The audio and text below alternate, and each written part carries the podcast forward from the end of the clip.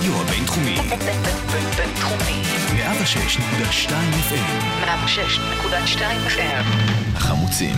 פרופסור בועז בן דוד ופרופסור גלעד הירשברגר. במבט פסיכולוגי על בחירות 2019. אז שלום, אנחנו החמוצים, והיום ה-24 ליוני, וכן, יש עוד פעם בחירות, אז חזרנו לעונה שנייה, קצת מוקדם מהצפוי. אנחנו, כמו בעונה הראשונה, ננתח את מערכת בחירות 2019, הפעם מועד ב', מזוויות פסיכולוגיות, ונקטר על הכל.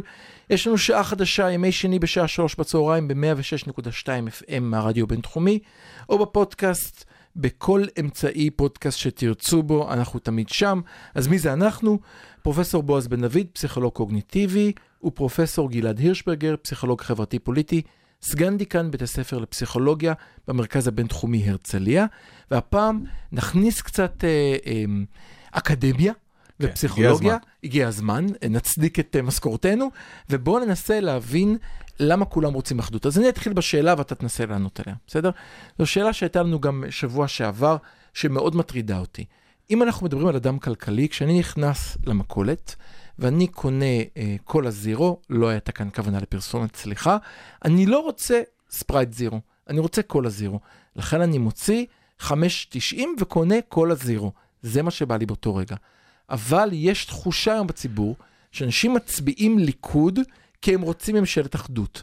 אנשים מצביעים כחול לבן כי הם רוצים ממשלת אחדות, והתחושה היא כל כך חזקה שהקמפיין של ליברמן השיק בסוף השבוע הוא בדיוק הדבר הבא. הצבעת, הצבעת אה, ליכוד, תקבל ממשלת ימין. הצבעת גנץ, תקבל ממשלת שמאל. רוצה אחדות, אתה חייב להצביע לי לליברמן. זאת אומרת, הוא עלה, שזה הטעם החשוב ביותר, נכון. הוא מחפש אותו. אני מנסה להבין למה אנשים הולכים למכולת, קונים קולה, אם הם רוצים קולה וספרייט.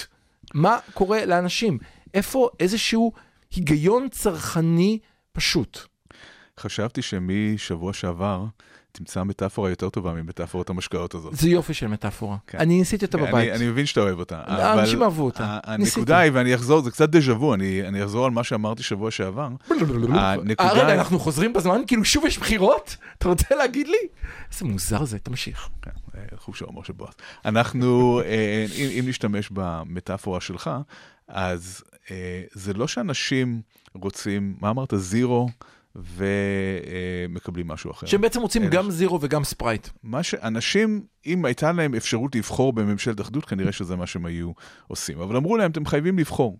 או זירו או ספרייט. ואז הם אומרים, אוקיי, זירו, שנקרא לזה הליכוד או הימין, אה, יותר טוב מספרייט, ולכן הם מצביעים אה, לזירו. דווקא כאן במטאפורות הייתי הולך הפוך. יש הסבר יותר טוב, יש הסבר יותר טוב מזה. אוקיי. אוקיי, אם, אם קצת נעמיק ונבין כן. אה, מה שקורה.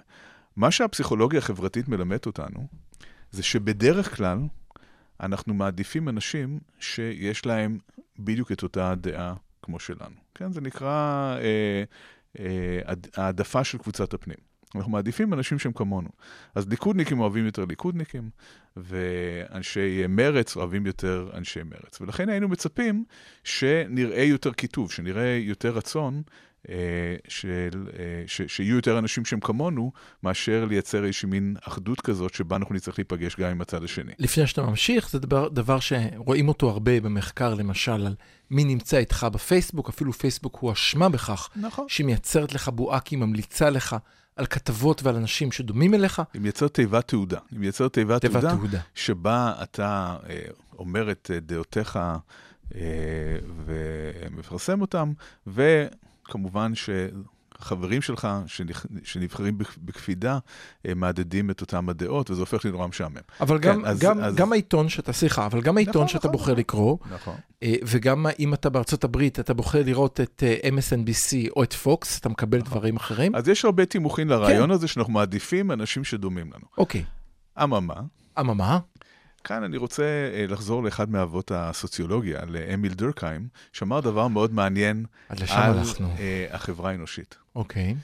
הוא אמר שקבוצה או תרבות היא כמו סופר אורגניזם. כן? זאת אומרת שהוא כמו אורגניזם ענק, כאשר כל אדם הוא תא באורגניזם הזה. אוקיי. ואז הוא אומר, אנחנו לא מודעים לזה, אבל בעצם התפקוד של כל אחד ואחד מאיתנו, למרות שהוא לא נראה בסינכרון עם התפקוד של אחרים, הוא כן עובד באיזשהו סינכרון עם אנשים אחרים, כשהמטרה היא, כמו, של, כמו המטרה של כל אורגניזם, המטרה היא בסופו של דבר הישרדות. זאת אומרת, הקבוצה מונעת להישרדות, כאשר חלקים שונים בקבוצה מתפקדים באופן כביכול עצמאי, עם אג'נדה משלהם, עם אסטרטגיה משלהם, אבל ביחד, אם מסתכלים במבט על, על ההתנהגות של כל החברה הזאת, מה שאנחנו רואים זה התנהגות מאוד יעילה שמקדמת הישרדות. שמקדמת הישרדות של התרבות של הקבוצה, של, של התרבות. הקבוצה. כן. אוקיי, עכשיו, כאן, אם אנחנו ניקח את זה וננסה להבין את זה במושגים פוליטיים, אוקיי. הטענה שלי, וכאן אני, זו טענה תיאורטית שלי, שכרגע אני חוקר אותה, בשביל זה אנחנו אה, כאן. ובהחלט אפשר אה, להתנגד לה, היא, היא, יש לי כבר לא מעט תימוכין, אבל אה, הנושא עדיין כמו שאני במחקר. מכיר אותך, גם בטח יש לך לא מעט מתנגדים, אבל בוא נמשיך. בלי מתנגדים זה לא כיף. כן. כן. מה שאני בעצם טוען, זה שכמו שדורקהיים דיבר על הסופר-אורגניזם הזה. גם בעצם אידיאולוגיות פוליטיות שונות מתפקדות באופן דומה. כלומר, חברה מוכרחה כדי לתפקד, שיהיה בה שמאל וימין. היא לא יכולה לתפקד בלי שמאל וימין. והשאלה היא שאלת האיזון. עד כמה אנחנו צריכים שמאל, ועד כמה אנחנו רגע, צריכים ימין. אני רוצה רק לעצור, כי אני, אני חושב שפספסתי אותך רגע, לראות שאנחנו ביחד. אתה אומר, אם אנחנו, אתה לא אומר שהגוף הפוליטי, אה, ימין ושמאל, הוא החברה, אלא החברה היא נניח החברה הישראלית. כן, אם ניקח את החברה הישראלית, בתוך החברה הישראלית יש ימין ושמאל, נניח לפישוט מאוד פישוט, וחייבים שיהיה את שני החלקים האלה, כי לכל אחד מהם יש תפקיד, אחרת הם לא היו מגיעים לאן שהגענו. כי אחרת אני באיזושהי אומר יותר אבולוציה מזה, הם אני אומר. שהחברה היהודית-ישראלית לא הייתה מסוגלת לשרוד ולא תהיה מסוגלת לשרוד אם לא יהיה בה גם ימין וגם שמאל. מוכרחים את שני הצדדים האלה. אוקיי, אז אתה בעצם עכשיו- אומר, הלכת אפילו יותר גדול, אתה אומר איך אנחנו, התרבות או העם היהודי, שורד כל כך הרבה זמן. כנראה שמשהו שיעיל, אחד הדברים יעילים שאתה מרמז כל, בו, כל תרבות ששורדת זה בגלל שיש משהו יעיל, וכל תרבות, אגב, שנקלעת למצב של אה, סכנה או איום על הקבוצה, מהמם. זה בגלל שמשהו שם לא תפקד כן. כמו שצריך. אבל לא ניכנס כרגע ל- גם לצד הזה של העניין. אבל אם, נדבר, אם נסתכל על ימין ושמאל ונשאל, מה בעצם יש בימין ובשמאל שתורם להישרדות הקבוצה, ולמה אה, צריך את, שני, את שתי הכוחות האלה בשביל אה, לקדם את הישרדות הקבוצה. אני מקווה אז שלא שאלנו- שאל- זה לא שאלה שאתה שואל אותי. לא, שאלנו. נבדקים, שאלנו. נבדקים. תודה. שאל, לקחנו אנשים ימנים מאוד, ולקחנו אנשים שמאלנים מאוד, אוקיי. ואמרנו להם, תכתבו מהן התכונות החיוביות שאתם רואים אצל אנשים בעלי הדעה הנגדית. כן? ששמאלנים יכתבו על ימנים וימנים על שמאלנים. עשיתם את זה בישראל. בישראל, כן. אוקיי.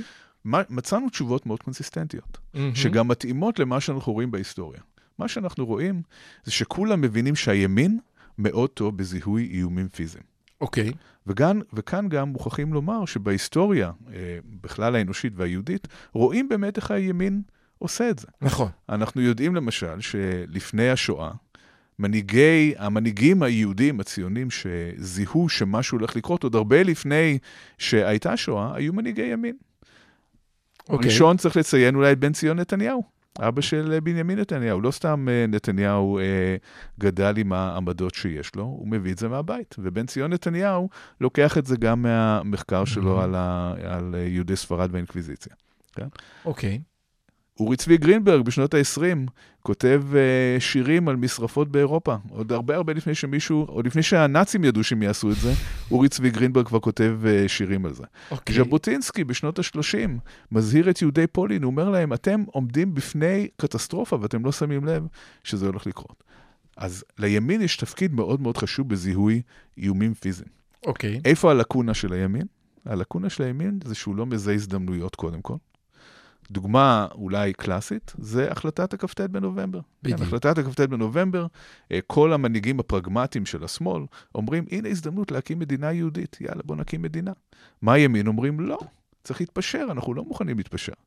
אה, בגין אומר, אה, אחת האמירות המפורסמות של בגין, אה, אחרי החלטת הכ"ט בנובמבר, זה שלא נשקוט עד אשר נניף את נס חירותנו מעל ירושלים ורבת עמון. הוא עדיין בשתי גדות שתי הירדן. גדות לירדן זו כן. שלנו, זו גם כן. נכון, זאת אומרת שהימין טוב מאוד בזיהוי איומים פיזיים, חלש בזיהוי הזדמנויות. במה השמאל טוב?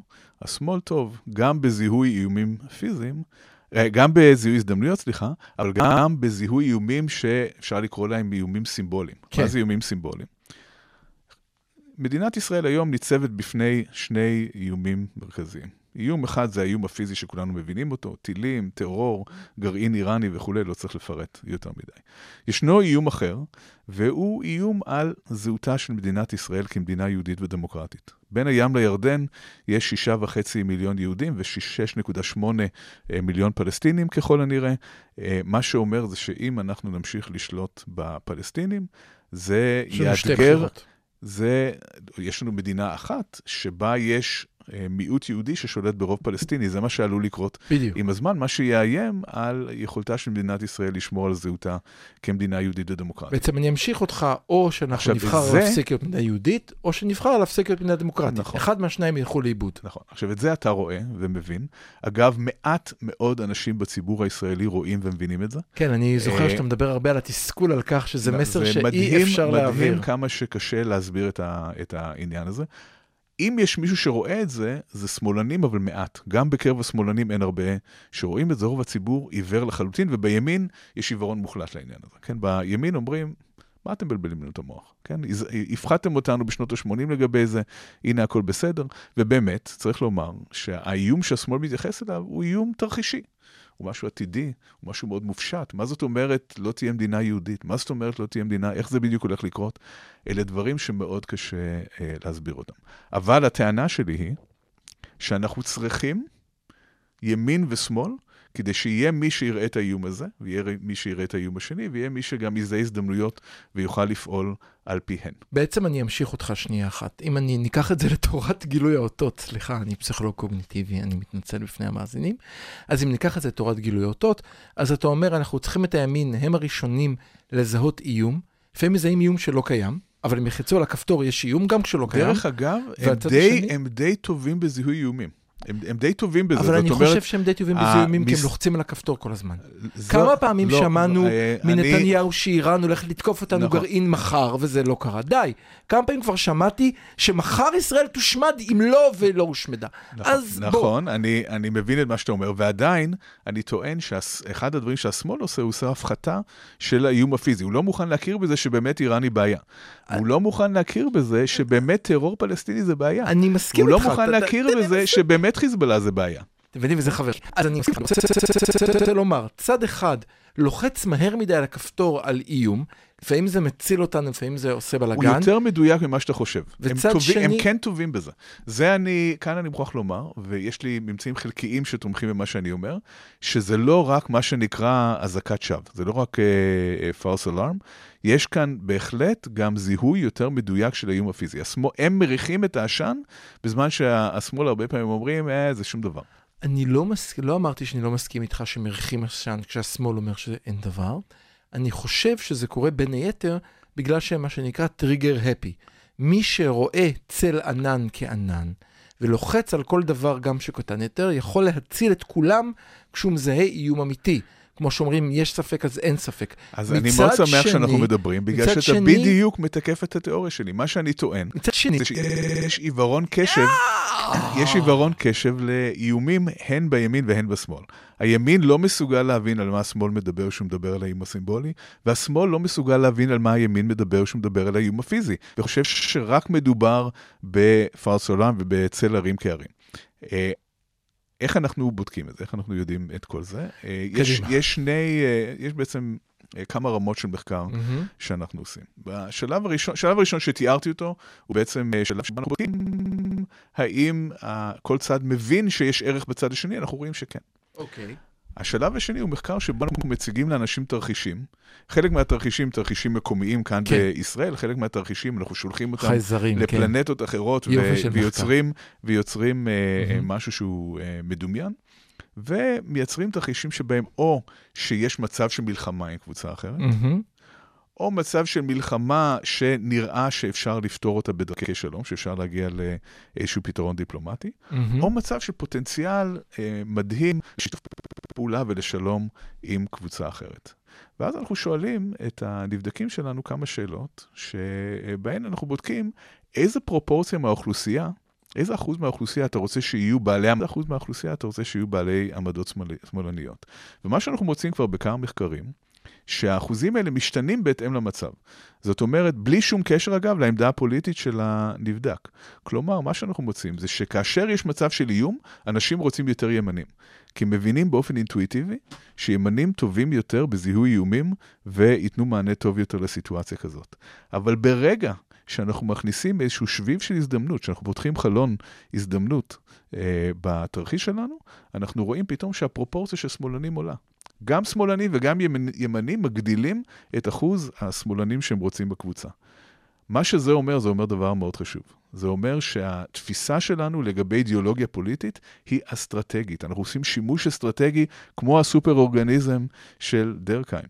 כן, אנחנו אומרים, האורגניזם הזה שנקרא מדינת ישראל, כרגע הוא כנראה במצב שהוא צריך יותר ימנים.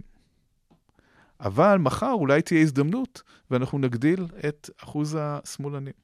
והבלנס הזה כל הזמן בין ימין ושמאל הוא המשחק. זה לא מי צודק. הוויכוח של מי צודק הוא ויכוח לא נכון. הוויכוח הוא מה אנחנו רגע, אנחנו צריכים יותר אנשים שיזהו איומים ויהיו מאוד דרוכים. איומים פיזיים. איומים פיזיים, ויהיו מאוד דרוכים ומוכנים לתגובה פיזית, או שאנחנו צריכים אנשים שיעמדו על המגדלים ויחפשו הזדמנויות ויגידו, אה, ah, הנה, יש כאן הזדמנות שאנחנו יכולים אה, לנצל אותה כדי לקדם את האינטרסים של הקבוצה. אז אנחנו מסכמים, ניסינו להבין, אני ניסיתי להבין למה כולם כל כך רוצים אחדות.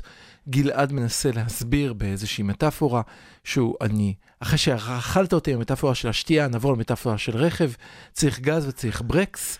ולפעמים צריך יותר... אחרי שאני מביא לך סופר אורגניזם, אתה שוב יורד לבקבוקי שתייה והרכב. אני יורד נמוך, בזמן שאתה שותה את הקולה ואת הספרייט שלך ביחד, אתה צריך גז וברקס, ואתה בעצם רומז שאנשים מזהים את הצורך שאולי הימין יהיה בשלטון, אבל שיהיו שם גם כמה שמאלנים נחמדים בשביל לזהות הזדמנויות, וגם השמאלנים שרוצים לזהות הזדמנויות יהיו שמחים שיהיו שם כמה ניצים שידעו לשמור עלינו מפני האיומים. אנחנו היינו חמוצים, נתראה.